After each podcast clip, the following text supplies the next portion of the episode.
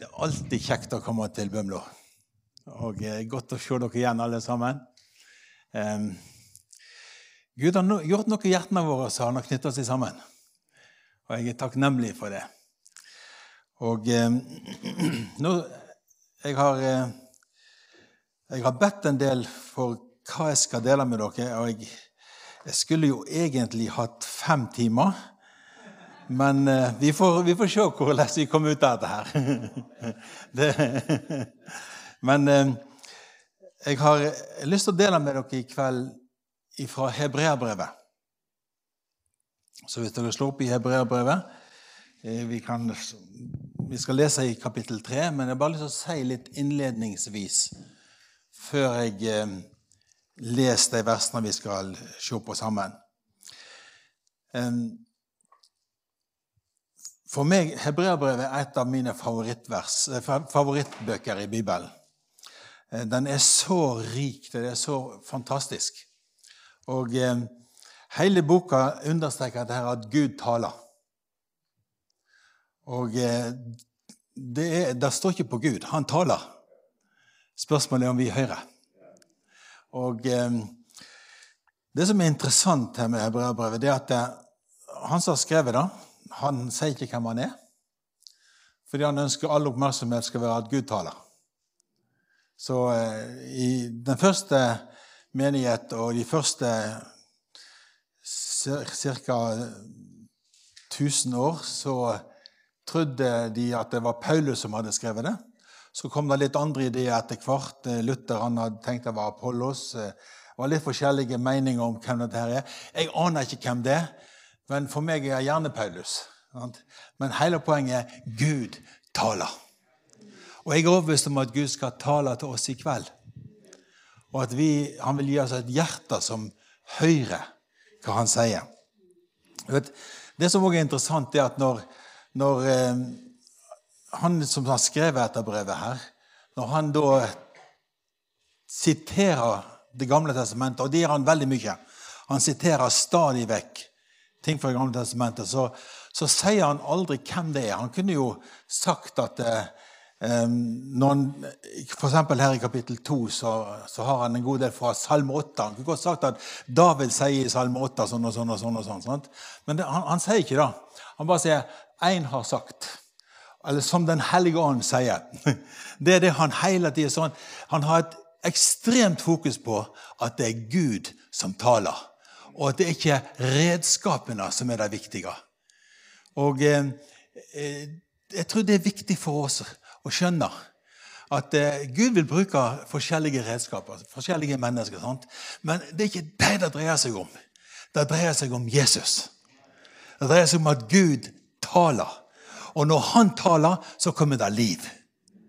Liv til oss. Og... Eh, jeg har lyst til å lese noen vers her i kapittel 3 aller først. Eh, for det, det, blir vel ingen overraskelse for dere at jeg kommer til å nevne dette med menighet. det er gjerne sånn vi har poster på besøk at vi de snakker litt om menigheten òg. Så, så jeg har bare lyst til å lese litt i kapittel 3, de sju første versene. Jeg kommer til å, eller De seks første versene pluss ja, sju. De sju første versene. Jeg gjør det med hensikt. Det er ikke naturlig stopp etter vers sju, men jeg har lyst til å bare ta det med. Så hvis du følger meg der i den oversettelsen du har Derfor, heilage søsken, det som har fått del i det himmelske kallet Se på Jesus, den apostel og øversteprest som vi bekjenner. Eller han som er apostel og øversteprest for vår bekjennelse, kan det òg oversettes. Han var trufast mot den som innsatte han, liksom Moses var trufast i hele Guds hus. Men Jesus var verdig til å få større ære enn Moses, liksom en byggmester får større heder enn huset han bygger. Et hus må alltid være bygd av noen, men den som har bygd alt, det er Gud. Moses var trufast som tjener i hele Guds hus. Han skulle vitne om det som en gang skulle forkynnes.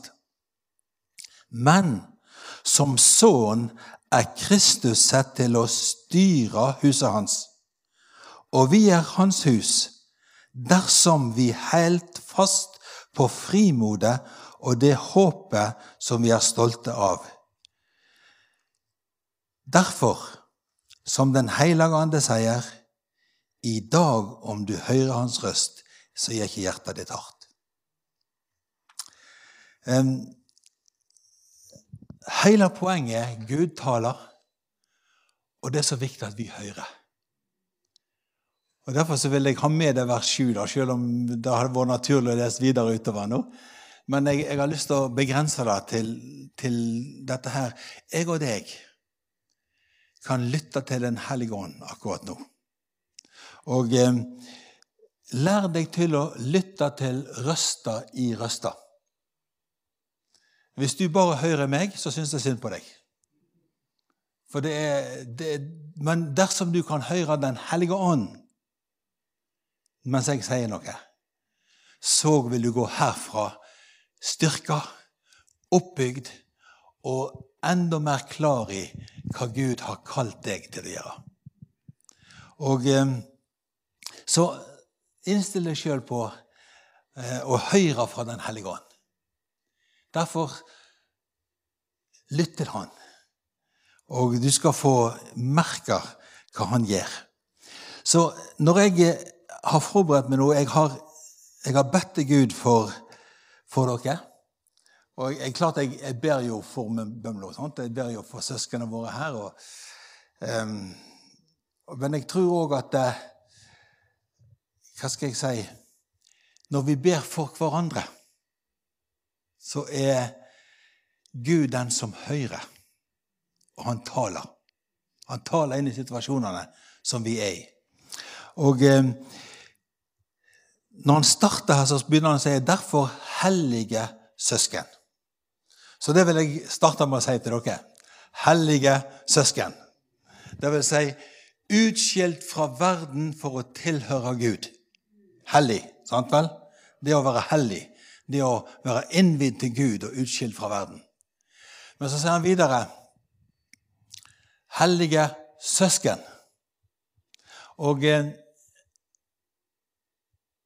jeg har et sånn brennende ønske om at vi skal se hvor fantastisk det er å være søsken.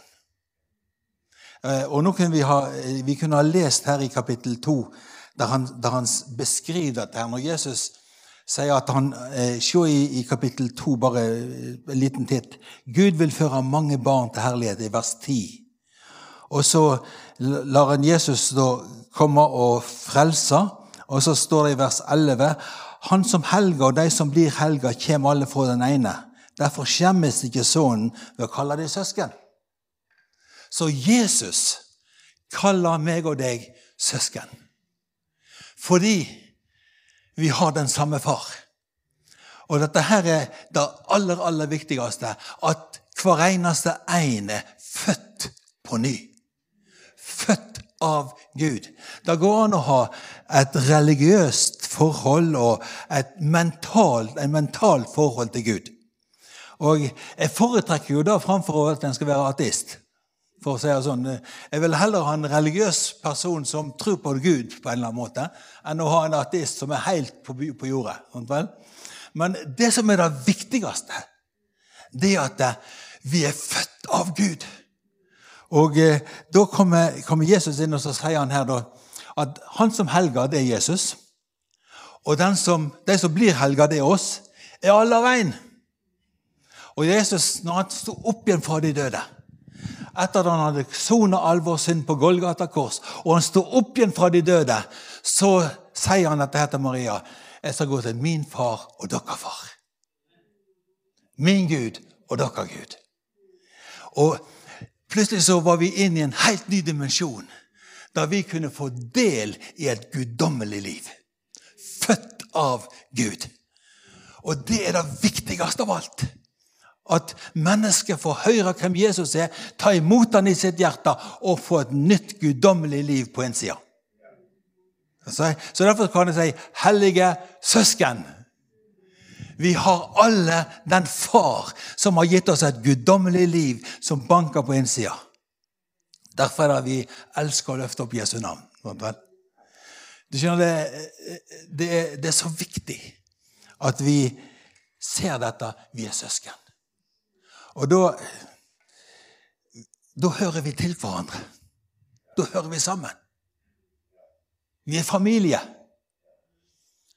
Og vår far er den det dreier seg om. Men så sier han her da videre, hvis du ser i kapittel 3 og vers 1 Hellige søsken, det som har fått del i det himmelske kallet. Og jeg vil bare si dette her. Eh, for det, det, går for langt å, å snakke for mye om kallet i kveld. Men du er kalt. Du er frelst, og du er kalt. Han frelste oss og kalte oss med et hellig kall. Når han frelste deg, så fjerna han all din synd og gjorde deg rein pga. Jesu blod. Og så gav han deg et nytt liv på innsida, og så kalte han deg til å leve i Jesu legeme hver eneste dag. Han kalte deg til å være en del av seg sjøl. Og det er kalt for et hellig kall, det er kalt for et himmelsk kall. han skriver om det på forskjellige måter. Og han, han, har kalt oss med et fantastisk håp, som vi skal komme tilbake igjen til. Så i det kallet som Gud har gitt oss, jeg vil du skal se at du er kalt. Kalt til å leve Jesus her på jord. Og da kan ikke du gjøre det alene. Jeg må gjøre det sammen med de andre. Sant vel? Så hellige søsken, det som har fått del i et himmelsk kall Her er noe dere skal gjøre, sier han. Se på Jesus. Se på Jesus. Eller for å si det på en annen måte oppdag Jesus, kan ordet bety òg. Du må oppdage Jesus, du må betrakte Jesus, du må begripe Jesus, du må se han. Og eh, Jeg har lyst til å spørre deg dette spørsmålet. Når du ser på menigheten, hva ser du? Og hva ser du etter? Ser du Jesus? Det er en hel del andre ting du kan oppdage. Det er andre ting som en kan gi plass, gi oppmerksomhet. Men hva ser du?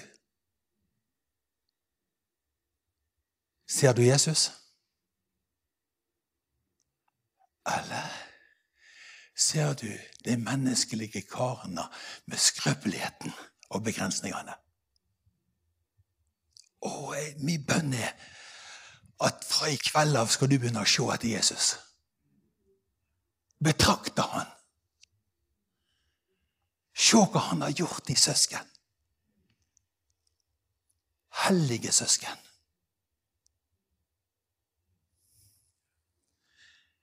Se på Jesus. Det er han det dreier seg om. Når vi lever menighet, så lever vi for å se Jesus. Og Jo mer du ser av han og hans herlighet, jo mer av hans liv kommer til å flyte gjennom oss. Til en verden i nød, og til brødre og søstre som trenger å styrkes. Hellige søsken, det er som å få del i et himmelsk kall, se på Jesus. Og så hvis du blir med meg igjen til kapittel 2 jeg, jeg, der, der han sier, Se hva han sier her. Jeg, jeg skulle ha lest kap, hele kapittel 1 og kapittel 2 òg, men vi har ikke tid til det i kveld. Men se her. Han sier derfor Se i vers 12. Når han sier han, han skjemmes ikke ved å kalle oss søsken, sier han jeg vil forkynne ditt navn for mine brødre. Midt i forsamlinga vil jeg lovprise deg. Er ikke det fantastisk?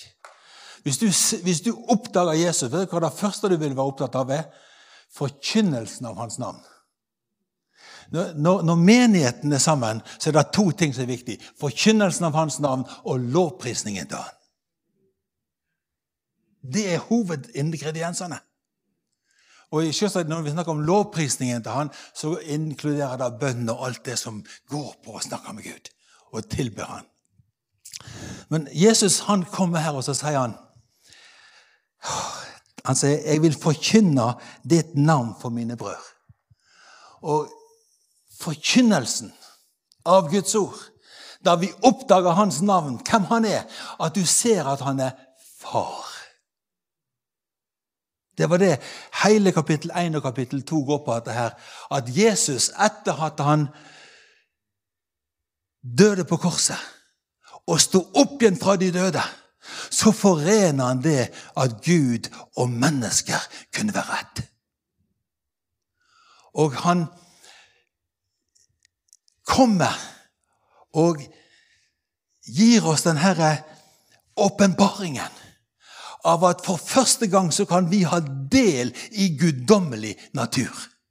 Vi kan ha del i hans evige, udødelige liv. Ikke bare det skapte livet. Det er fantastisk. Men det livet som er født av Gud, som er Guds eget liv, det er det som er å være født på ny. Og så sier han her da, at jeg vil forkynne ditt navn for mine søsken. Og jeg har en lengsel etter å se at jeg og deg begynner å ape etter Jesus. Når vi kommer sammen, så er vi ikke opptatt av noe annet enn å forkynne hans navn. Vise hvem far er. Hva har, hva har far gjort for meg i dag? Hva har far gjort for oss? Hvem er det, hvem er det vi ser etter? Jo, vi forkynner hans navn for mine søsken. Det er det første. Og så det andre er midt i forsamlingen så vil jeg lovprise deg. Men du kan, når vi, vi står og tilber Jesus, så er han midt imellom oss og tilber far. Og eh, De to elementene vil alltid være der. Når guddommelig liv kommer til uttrykk, så vil det være en takk til hans navn, en proklamasjon av hans navn og en lovprisning til Jesus. Dere gjorde en veldig god jobb i lovprisningen. Takk skal dere ha.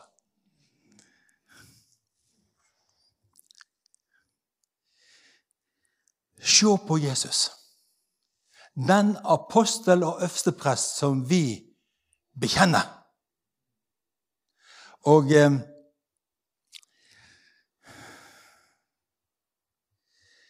Har du sett apostelen Jesus? Har du sett at han driver og bygger? Nå, nå, går han rett inn i og så begynner han å snakke om et hus her. Sant vel? Og eh, det, det, er noe med Guds hus her som er fantastisk. Han, la oss se på, den, på Jesus, den apostel og øversteprest som vi bekjenner. Jeg bekjenner Jesu navn. Han er øverstepresten som går i forbønn for meg i det himmelske. Han er på trona og har full kontroll i alle ting og vet nøyaktig hva som trengs. Men han har òg apostelen som bygger huset som skal bygges. Og så begynner han å, å, å, å forklare for oss. Han, han sier om Jesus han, Det første som han understreker, han var trufast mot den som innsatte han. Når Gud har satt deg i sin menighet, men er du trufast mot han? Hvordan er det? Jesus Det første som blir sagt, han var trufast mot han som innsatte ham. Og Så går han videre og så snakker han om Moses, og han var trufast. Så trufast, trufast, trufast. Det er ikke et hundenavn. Men det er en egenskap som er guddommelig, og som han ønsker skal komme til uttrykk gjennom meg og deg hver eneste dag. Han var trufast mot den som satt han der. Og Moses var trufast. og Moses han, han tjente jo bare i et bilde. Men han var ikke borti det reelle. Han tjente i et bilde på det som skulle komme. Og eh, Han sier om, om, Moses her at Moses var trufast som tjener i hele Guds hus. Han skulle vitne om det som en gang skulle forkynnes. Men tenk hvor fantastisk Moses var trufast i det Gud hadde satt han i. For han skulle forkynnes en gang. Og så kom Jesus, den virkelige. Og så har du fått møtt han, og så har jeg fått møtt han. Og så har han knyttet oss sammen i sin kjærlighet. Og så er han som er så trufast mot Gud, har tatt bolig i ditt hjerte og i mitt hjerte. Og eh, Når jeg ser på Guds menighet, på Guds hus i dag, så ser jeg så mye oppdelinger. Jeg ser så mye løse ting som skjer. Men Gud ønsker et folk som er trufaste mot Han. Og når vi er trufaste mot Han, så vil vi være trufaste mot hverandre. For jeg vil se Han i deg. Hellige søsken, se på Jesus. Se etter Han i alt som skjer. Og jeg tror at Bømlo igjen skal bli en viktig plass for Guds rike i Norge. Det var det en gang når de første kristne kom fra England. Og Bømlo var viktig. Jeg er overbevist om at vi står innenfor en vekkelse i nasjonen vår. Og Jeg skal si hvorfor jeg sier dette. her. Du skjønner, Gud er tatt vekk fra det offentlige rommet. Sant vel? Så det som var naturlig, og som av en gudsfrykt i folket vårt Selv om ikke de trodde på Jesus, selv om ikke de var født på ny, så var det likevel en gudsfrykt og en respekt for Gud. Og Gud var der i bildet. Nå er det vekk fra det offentlige rom. Jeg, jeg, så, på, jeg så fjernsyn i nyttårshelga, og det eneste kristne innslaget var kongesangen. Gud sign vår konge er god. Jeg er så glad for at vi synger den fremdeles. Og så ja, vi elsker. Men, men ellers var ikke Gud nevnt av noen av de som sto fram. Men Gud skal forandre dette igjen. Norge skal igjen vennes til Gud. For det Gud har en plan for nasjonen vår. Og det er tegn som begynner å vise seg nå. Nå skal du høre. Så noe som oppmuntrer meg veldig. Det var, det var noen som eh, Det var laget i Bergen som arrangerte en sånn samtale om, om tru og om Gud. Og det kom masse folk. Og det, det, det som var melodien, var at, at dette er fantastisk. Det er ingen plass vi kan snakke om Gud lenger. Vi kan ikke snakke om Gud på arbeidsplassen, vi kan ikke snakke om Gud i, i det offentlige rom. Men vi trenger, vi har en lengsel etter å snakke om Gud. Og de delte hjertet sitt, og de snakket om hva som lå dem på, om alle spørsmålene de hadde. Jeg skal si, Det er en lengsel i folkedypet. Det er en lengsel som Den hellige ånd arbeider fram. I det vakuum som er i samfunnet vårt nå, så arbeider Den hellige ånd, og det kommer til å eksplodere. Og gjett hvem som kommer til å bli mest overraska? Politikerne våre. Og alle de som har prøvd å være så nøytrale. Å, de skal få se hvordan Guds liv igjen kommer strømme som elver i Norge. Vi synger i Fedrelandssalmen vårt vår, At Norge lå lenge i mørket. Sant vel? Vårt heimland i mørket lenge lå.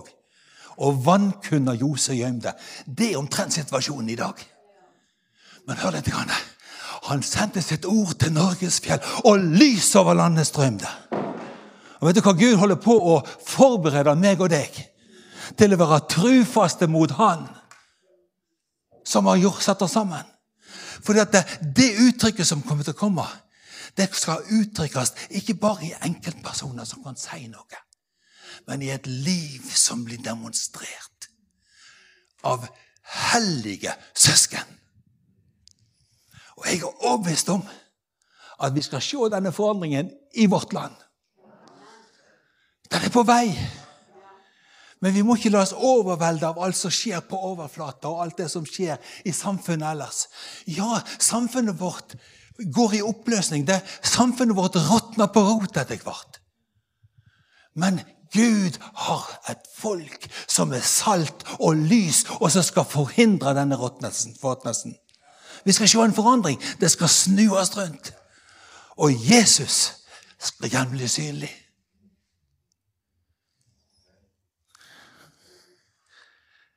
Men så sier han her da i vers 6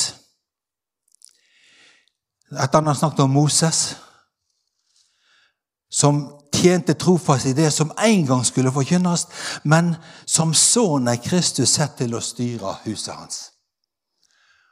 Å, om jeg og deg kunne feste blikket på Jesus og høre hans befalinger. Han er satt til å styre huset. Og du skjønner, han bygger sitt hus på sin måte. Og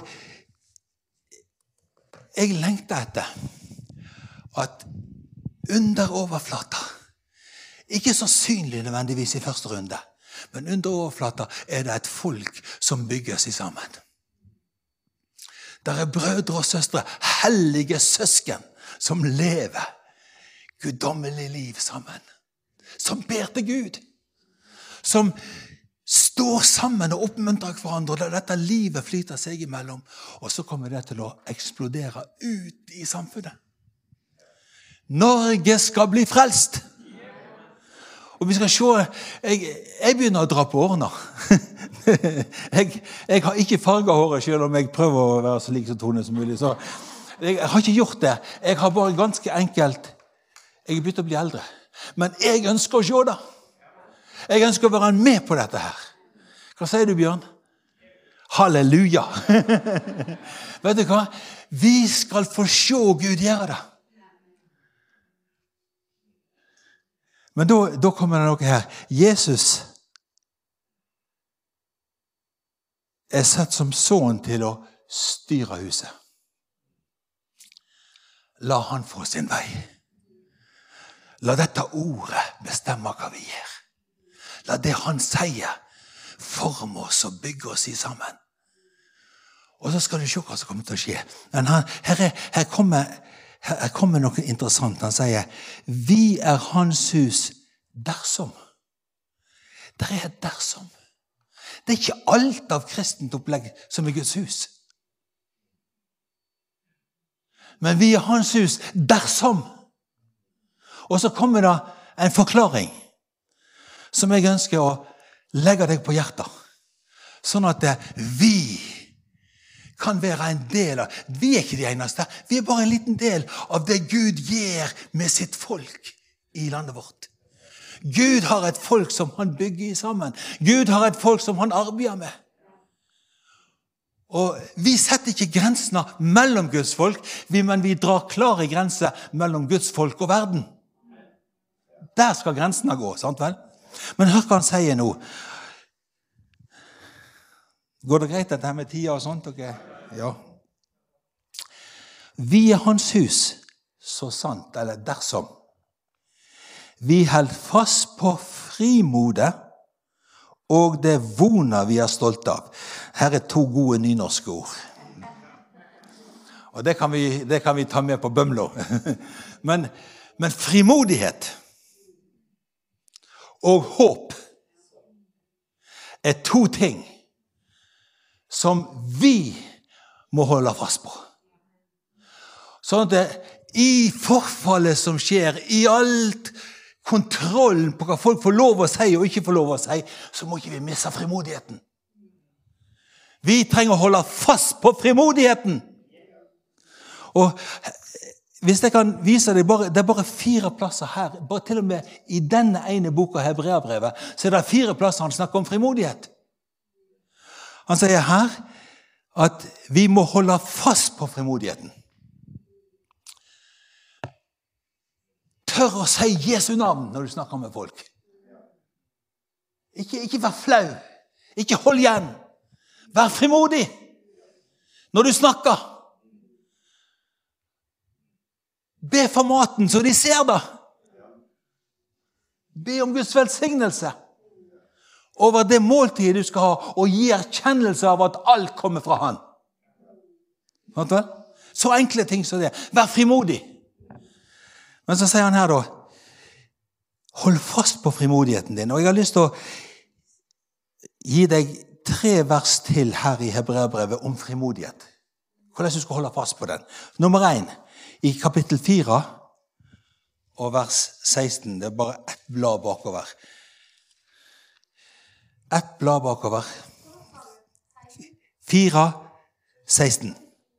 4, 16, ja. Takk for at du spør. La oss stige fram for nådens kongstol med frimodighet, så vi kan få nå, finne miskunn og finne nåde til hjelp i rette tid. Det er det første området. Ikke kast vekk frimodigheten din. Stig framfor nådens trone med frimodighet. Gå inn for Jesus. Og det du vil finne at framfor nådens trone så kommer Guds miskunn og Guds nåde til deg.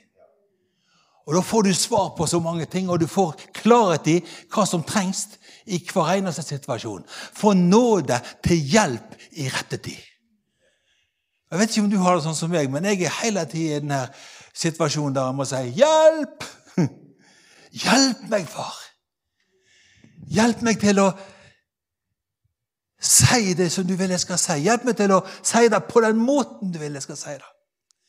Miskunn og nåde. Men gå framfor nådens trone med frimodighet. Vær frimodig når du kommer fram der. Du kommer ikke liksom bare slep han inn som noe som katten har dratt inn. liksom. Det, altså, det, er ikke bare, det er ikke bare ei filla, det er ikke bare ei, ei død mus som er der. Nei, nei, du kommer som Guds barn. Du kommer som en som er født på ny og har liv i Den hellige ånd. Og du kommer frimodig fram for å snakke med far om det det gjelder. Oh, kom med frimodighet framfor nådens trone. Skal du få miskunn og finne nåde til hjelp i rette tid. Det neste verset, kapittel 10.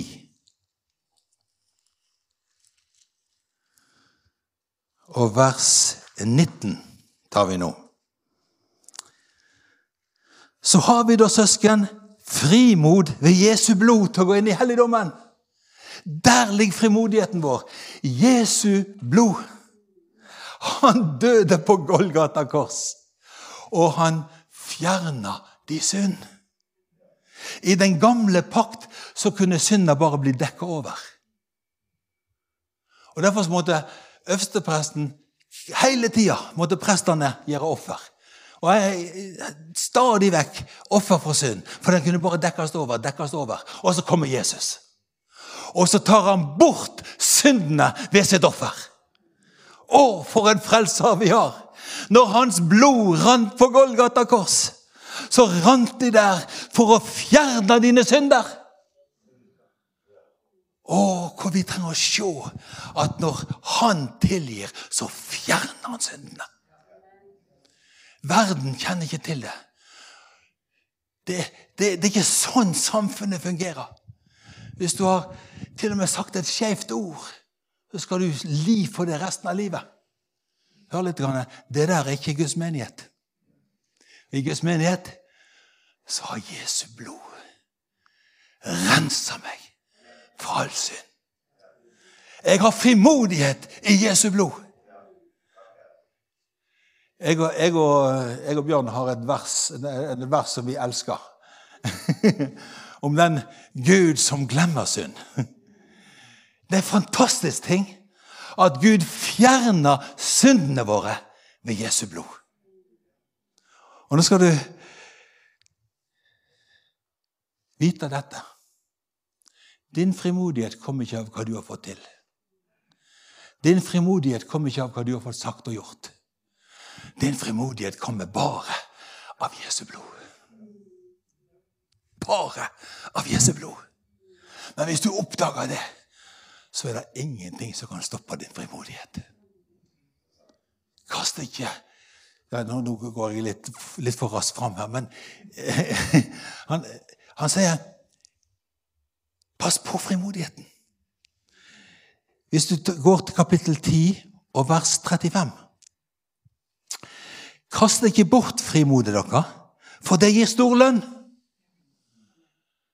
Å, denne frimodigheten som kommer av Jesu blod. Denne frimodigheten som gjør at vi kan komme fram for nådens trone og få miskunn og nåde til hjelp i rette tid. Ikke kast den bort. Ikke neglisjer det, men ta vare på den. Og du skal få se at ikke bare Bømlo, ikke bare Norge, men det skal skje noe på denne jorda før Jesus kommer igjen. Jeg er veldig happy om han kommer i kveld, jeg. men jeg tror han har flere som skal være med. Jeg tror det er mer å gjøre. Men kommer han i kveld, så fint. Er, det er ingenting jeg heller vil enn å være med han. Men hold frimodigheten ved like på grunn av Jesu blod.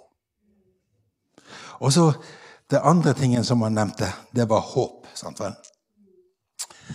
Og eh, jeg kan ikke Jeg får komme igjen en annen gang og snakke om håp.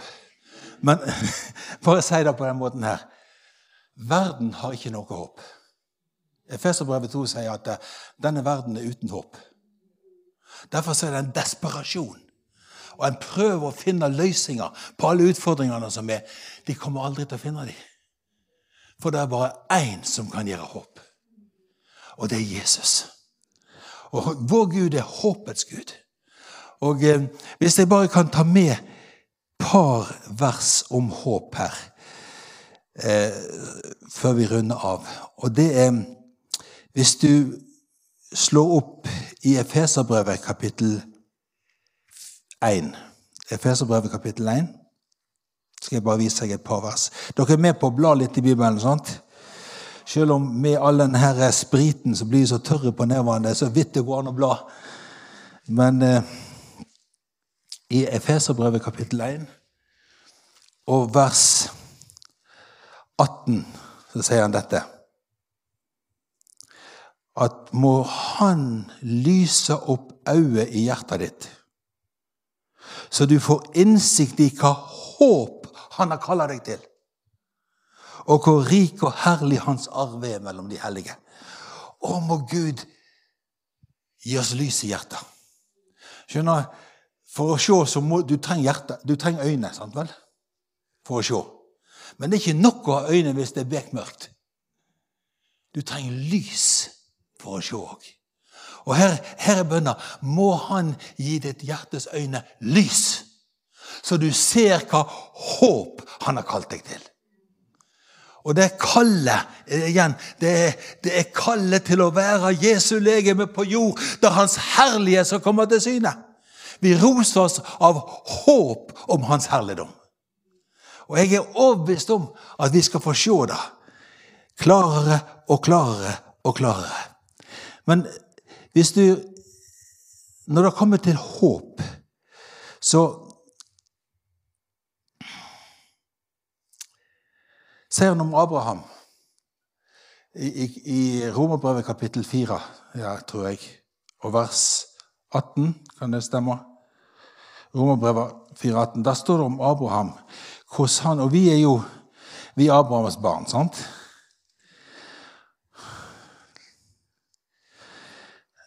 Fire, eh, Romerbrevet 4 og vers 18. Her står det om Abraham. Enda alt håp var ute, holdt Abraham fast på håpet. Det er omtrent som du ser Norge i dag. Norge, Norges situasjon i dag. Det ser ut som alt håp er ute. Men Abraham holdt fast på håpet. Og hør hva han, han sier videre. Han holdt fast på håpet og trodde. Derfor ble han far til mange folkeslag. Som det har sagt han, så talrik skal ett av de være. Da han var nesten 100 år, men han ble ikke svak i trua når han tenkte på at hans egen kropp var uten kraft, og Sara var for gammel til å bli mor. Han var ikke vantro og tviler ikke på Guds løfte, men var sterk i trua og gav Gud æra. Når alt håp var ute, holdt han fast på håpet og trodde. Hebreabrevet 11,1 definerer tro for oss. Sier at det, tro er virkeliggjørelsen av det vi håper.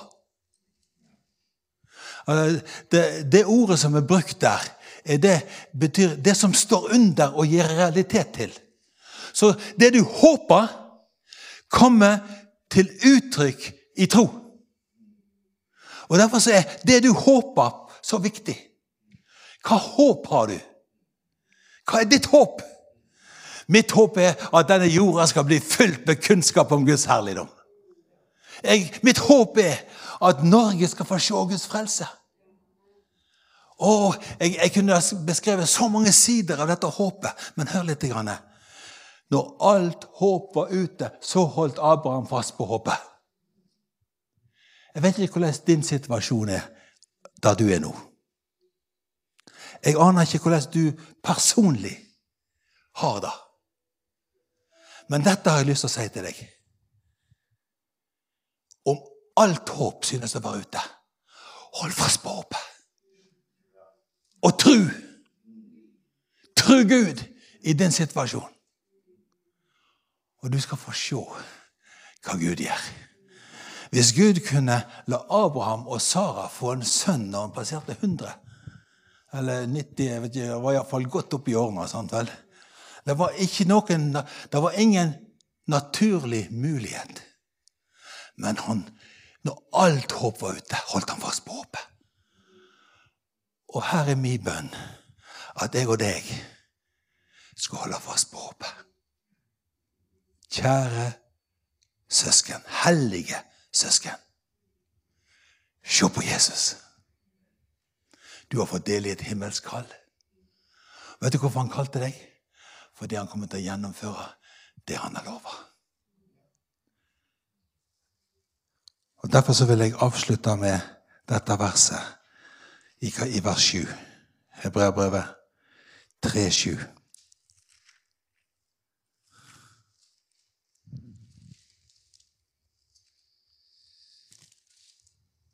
Derfor, som Den hellige ånd sier, i dag om du hører hans røst, gir ikke hjertet ditt hardt. I dag, om du hører hans røst, si ja, ja, Jesus. Bygg din menighet. Ja, Jesus, gi meg nåde til å være trufast, sånn som du var da. Sånn som Moses var da. Trufasthet er det første. Skjønner? Vi ønsker at ting skal gå fort og greit. Sant vel? Og så enkelt som mulig. Men det er ikke sånn det foregår. Det er ikke sånn det foregår. Det er, der er utfordringer. Og det er, der er, så mange fartsdumper. Men hør litt. Grann. Hvis du er trufast, vil du se det Gud har lovt.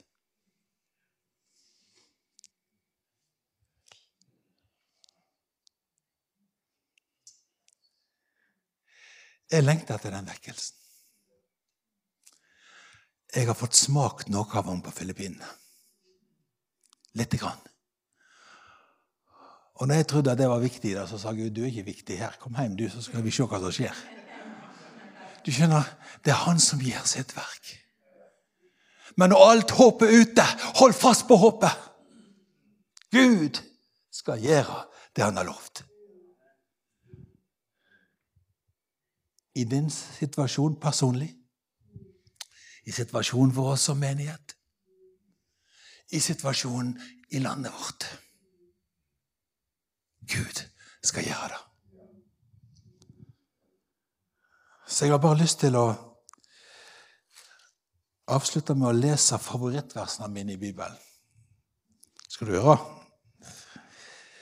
Hvis jeg skulle blitt altså, jeg, jeg, jeg, elsker hele denne boka, her, for å si det sånn. Men hvis jeg var, ble, ble, nødt til å plukke ut ett eller to vers som jeg syns var overalt annet, så er det disse versene her.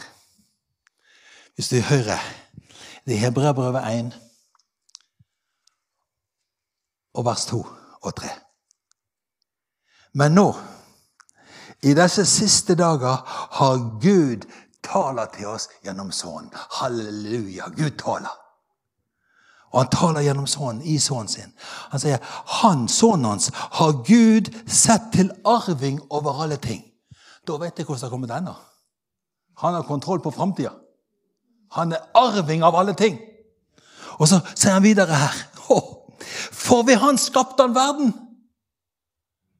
Halleluja, det løser veldig mye. Hele pride-ideologien går ut vinduet vet du, når Gud skapte verden. Det, det, du trenger ikke være så veldig kløktig å diskutere. Bare hold fast på en enkel ting. Gud skapte verden. Han skapte mann og kvinner. That's it. Halleluja. Men hør litt videre hva han sier her. Ved Han skapte han verden. Og så står det videre Han er utstrålingen av Guds herligdom og bildet av hans vesen, og han ber alt med sitt mektige ord. Ikke bare er han arvingen i framtida, ikke bare skapte han alt i fortida, men akkurat nå så oppholder han alle ting med sitt mektige ord. Det er Jesus, sånn som vi kjenner han. Det er Jesus, sånn som han er. Han er utstrålingen av Guds herligdom. Og Derfor er det vi må betrakte han og se på han, og jo mer vi ser, jo mer overvelda blir vi. Paulus han hadde en veldig god start på utenfor Damaskus. Han fikk en åpenbaring av Guds herlighet. Men du kan ha den samme åpenbaringen. Jeg, jeg, håper ikke du får det på like dramatisk og på samme måten, men jeg håper at du kan begynne å betrakte Jesus så du ser hans herligdom. Han er utstrålingen av Guds vesen. Han viser oss hvem Gud er. Gud er usynlig, men Jesus viser oss hvem han er. Og så sier han dette her til slutt da han hadde fullført rensinga for syndene våre. Han rensa, rensa, rensa. Han gjemte det ikke. Da han hadde fullført rensinga for syndene våre, setter han seg ved høyre hånda åt majesteten i det høye. Det er mine favorittvers. Det er han, det er han, det er han det dreier seg om. Og når jeg og deg begynner å se hvem han er, hva han skal få til slutt hva han gjorde i begynnelsen, og hva han gjør akkurat nå. Han oppholder alle ting med sitt mektige ord. Det at jeg kan dra pusten nå, betyr han holder meg oppe. Vi er så avhengige av han. Han er utstrålingen av Guds herlighet. Bildet av hans vesen. Av den far som elsker av den far som tukter. Av den far som oppdrar oss og hjelper oss til å gå på hans vei. Hans hus er vi dersom vi holder fast på frimodigheten og håpet som vi roser oss av. Far, vi har lyst til å si takk til deg. Jeg har lyst til å si takk for hellige brødre og søstre. Takk for menigheten her på Bømlo. Takk for ditt folk, Herre. Og far, jeg vil be i Jesu navn at du vil hjelpe oss til å feste blikket. At vi ser Jesus i hverandre. At vi ser Jesus når vi tilber. At vi ser Jesus i de tingene som skjer rundt omkring oss. Hjelp oss til å feste blikket og se på apostelen og øverstepresten, som vi bekjenner. Jesus, vi vil bekjenne du er Herre over alle. Vi elsker deg, Jesus. Og nå ber vi, vil du renne ut din ånd over menigheten her. Vil du renne ut din ånd over Bømlo. Herre, du gjorde noe for lang tid siden. Gjør det igjen, Herre i Jesu navn. Amen.